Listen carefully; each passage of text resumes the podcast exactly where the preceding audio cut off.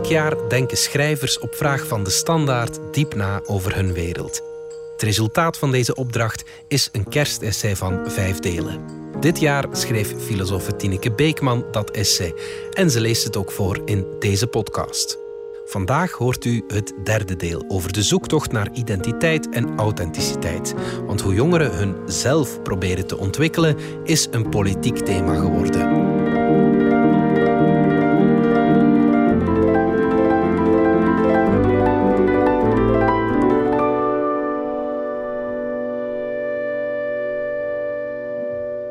Wees jezelf.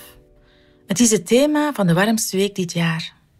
Vooral bij jongeren leeft de gedachte dat kunnen zijn wie je bent belangrijk is. Dat blijkt ook uit een bevraging van de VRT-studiedienst. Alsof jezelf ontplooien een van de meest essentiële opdrachten is die je in het leven moet volbrengen. Alsof die gerichtheid het juiste vertrekpunt is om het goede te doen, zowel voor jezelf als voor de wereld.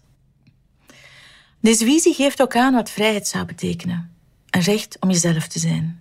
Die zelfexpressie verdient publieke erkenning. De wereld moet jou tegemoet treden in hoe jij jezelf voelt of ervaart. De nadruk ligt hier op de beleving. Als iemand die zelfexpressie contesteert, onder welke vorm ook, kan je dat als een afwijzing, een kwetsuur, een belediging interpreteren. En dat hoef je niet te pieken. Zo gaat de redenering. Veel jongeren zijn niet alleen gevoelig voor hun eigen expressievrijheid. Ze menen dat anderen het recht hebben om niet gekwetst te worden. In een recente enquête onderstreept politiek analist Frederik Dabi een opmerkelijke evolutie in een seculier land als Frankrijk. Godsdienstkritiek is niet meer vanzelfsprekend. Een belangrijk deel van de ongelovige jongeren vindt de vrijheid om religiekritiek te uiten minder belangrijk dan het recht om zijn identiteit ongeschonden te beleven. En dat impliceert het recht om zich niet beledigd te voelen. Deze visie op vrijheid introduceert subjectieve standaarden voor censuur, maar dat lijkt ondergeschikt aan het recht om zichzelf te zijn, wat dat ook mag betekenen. De verschuiving van vrijheid als onbeperkte mogelijkheid tot kritiek naar onbeperkte mogelijkheid tot zelfexpressie valt samen met een generatiekloof. Deels heeft dit met een veranderende politieke context te maken. Wie oud genoeg is om zich de periode van voor 1990 te herinneren, heeft de Koude Oorlog meegemaakt. De strijd tussen het vrije kapitalistische West-Europa en het communistische Oost-Europa. Westerlingen definieerden hun vrijheid als een afwezigheid van staatscensuur. Zij mochten zeggen wat ze dachten en zaken doen zoals ze wilden, terwijl de communistische partijbonzen de publieke ruimte in Oost-Europa en de Sovjet-Unie controleerden. Toen de Sovjet-Unie uit elkaar viel, verdween die onvrije tegenhanger en dus de noodzaak om persvrijheid en meningvrijheid te benadrukken. Maar dat verklaart nog niet waarom de idee van een zelf centraal staat, dat je moet ontdekken en ontplooien. Ik denk dat hier drie factoren meespelen, wellicht zijn er nog meer.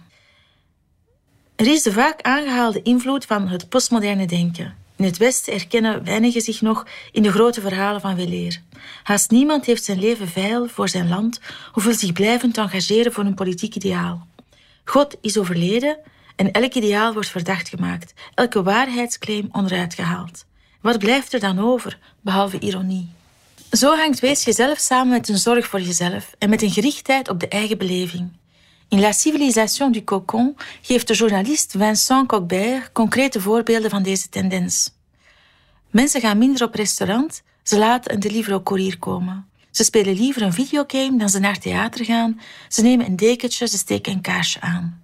Ze kopen de veiligste auto en als ze zich in de publieke ruimte begeven, willen ze zich ook daar op hun gemak voelen.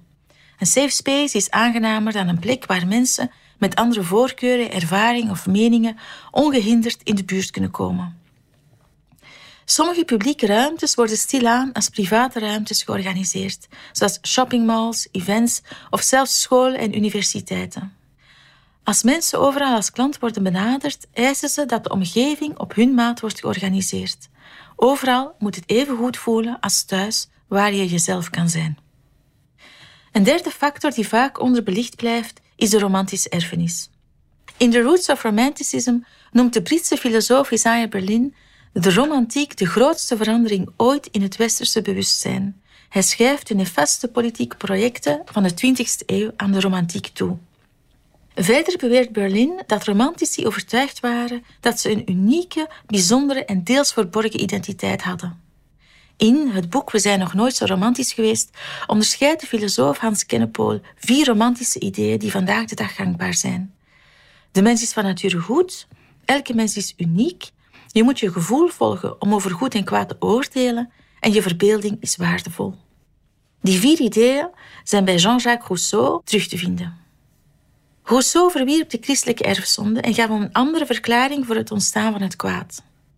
Van nature wordt de mens door een positief gevoel van zelfbehoud, l'amour de soi, gedreven. Maar de samenleving stimuleert een negatieve eigenliefde, l'amour propre. Een eigendunk waardoor de mens anderen wil overtreffen. Het kind is dus onschuldig, maar dreigt door de samenleving te worden gecorrumpeerd. En daarom is de kindertijd zo delicaat, schrijft Rousseau in Émile. Als je een kind opvoedt, moet je proberen dit onschuldige schepsel, deze nobele wilde, tot een voorwaardige burger te maken, zonder hem in een bourgeois te doen veranderen. Het is eigen aan de bourgeois dat hij handelt vanuit zijn amour-propre. Hij bekommert zich slechts om zijn prestige en zijn materiële belangen. Nee, een goede leraar probeert naar het oordeel van Rousseau een kind op te voeden zodat het verder kan met een hart vrij van ondeugden en een geest vrij van vergissingen. Bij een kind moet je dus het innerlijke, natuurlijke behouden en de mogelijk schadelijke, onnatuurlijke invloeden uit de samenleving weren.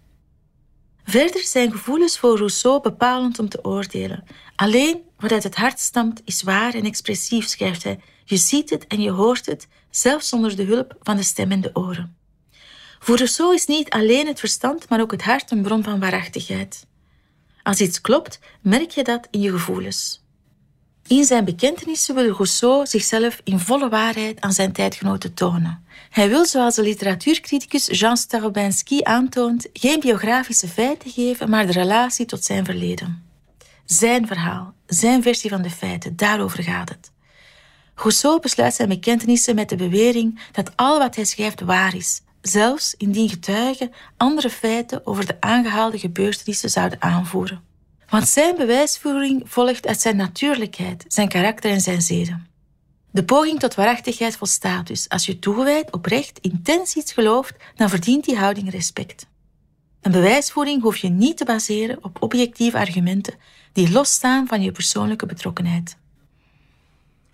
Rousseau probeert anderen te overtuigen van deze poging om zichzelf te bepalen, maar hij blijft opgesloten in een bittere eenzaamheid die doorheen zijn werk blijft weerklinken. Hij gelooft in zijn morele superioriteit. Niemand is zo waarachtig, zo authentiek als hijzelf, maar tegelijk is hij ontredderd. Met de romantiek doet het ideaal van authenticiteit dus haar intreden. Authenticiteit bevat een idee van oprechtheid. Maar er komt een visie op het zelf aan te pas. Je probeert in lijn met je oorspronkelijke, diepere zelf te zijn. Dat je bewaakt, zodat je niet aan mogelijke schadelijke externe invloeden onderhevig bent. Je blijft trouw aan jouw waarden, jouw persoonlijkheid, jouw omgang met de werkelijkheid. In de zakenwereld en de politiek zijn authenticiteit evengoed binnengedrongen. Vraag maar aan een headhunter welke kwaliteit iemand in een leidinggevende functie moet hebben. Authenticiteit, dat is het buzzwoordje. Het kan best dat een persoonlijke reflectie over je eigen positie, wat wil ik echt, wie ben ik echt, helpt om keuzes te maken. Af en toe over jezelf nadenken is ongetwijfeld een goede zaak. Maar heeft authenticiteit in de publieke ruimte wel zin? Daar passen waarden zoals oprechtheid of rechtlijnigheid beter, denk ik. Ze vatten voluit de relaties tot de anderen in de wereld. Je kan authenticiteit niet openlijk inzetten. Als je je erop beroept om indruk te maken, bijvoorbeeld, dan ben je het al niet meer. Want het begrip impliceert juist dat je niet bereid bent om je echtheid voor iets anders op te geven. Authenticiteit wordt dan een pose, een verkoopspraatje. Authenticiteit garandeert ook geen integriteit. Iemand kan heel authentiek anderen dwarsbomen, bijvoorbeeld, als dat in zijn karakter of gewoonte ligt. Met authenticiteit verdwijnt verder het idee dat je in de publieke ruimte een rol speelt. Want in het publieke moet je een verlengstuk van je ware zelf weergeven. Maar als je de baas bent, neem je idealiter beslissingen die de belangen van anderen te goede komen. Het gaat eigenlijk helemaal niet om jouzelf. En bij heel wat pre-romantische denkers, zoals Machiavelli en Montaigne bijvoorbeeld, is het belang van de rol vanzelfsprekend. En dat levert heel wat voordelen. In de rol schuilt vaak het antwoord op hoe je moet handelen. Het maakt kritiek ook veel makkelijker. Als iemand het oneens is, opent hij geen aanval op jouw intieme persoonlijke zelf. Depersonaliseren is een handige strategie om conflicten te ontmijnen en tot betere inzichten te komen. En je lost ook meer persoonlijke dilemma's op. Voor leiders en voor burgers geldt dat burgerschap iets kan eisen dat niets met jouw private voorkeuren te maken heeft. Precies dat lijkt een probleem vandaag de dag. Hoe raak je nog voorbij private of persoonlijke kwesties? Het thema van de warmste week illustreert deze spanning. Die klimaatcrisis of de gezondheid zijn voor de hand liggende actuele onderwerpen die solidariteit vragen om opgelost te worden. Toch noemden jongeren jezelf kunnen zijn de meest nijpende kwestie in hun leven. Dat is echter lastig. Welke criteria kan je invoeren om de nood van de begunstigden te beoordelen? Zelfexpressie is persoonlijk en subjectief. En hoe bereik je mensen in nood die wel tot je gemeenschap behoren, maar van wie je de persoonlijke belevingen niet begrijpt of kan inschatten? In haar roman Beautiful World, Where Are You schetst Sally Rooney hoe jongeren worstelen met de publieke of politieke rol die ze zouden moeten spelen. De titel van de roman verwijst naar de romantische periode, naar een gedicht van Friedrich Schiller dat Schubert op muziek heeft gezet. De vier hoofdpersonages hebben een scherp besef van de politieke en sociale problemen van hun tijd, zoals de precariteit bij jongeren in een kapitalistische wereld. Aan de top worden enkele schatrijk, terwijl anderen amper het hoofd boven water houden. De jongeren maken zich grote zorgen over de urgentie van de klimaatcrisis, maar ze zitten opgesloten in hun eigen wereld. Een briljant personage werkt zelfs voor een politieke denktank, maar hij vindt zijn job deprimerend. Hij loopt de hele dag te vergaderen en dat is het.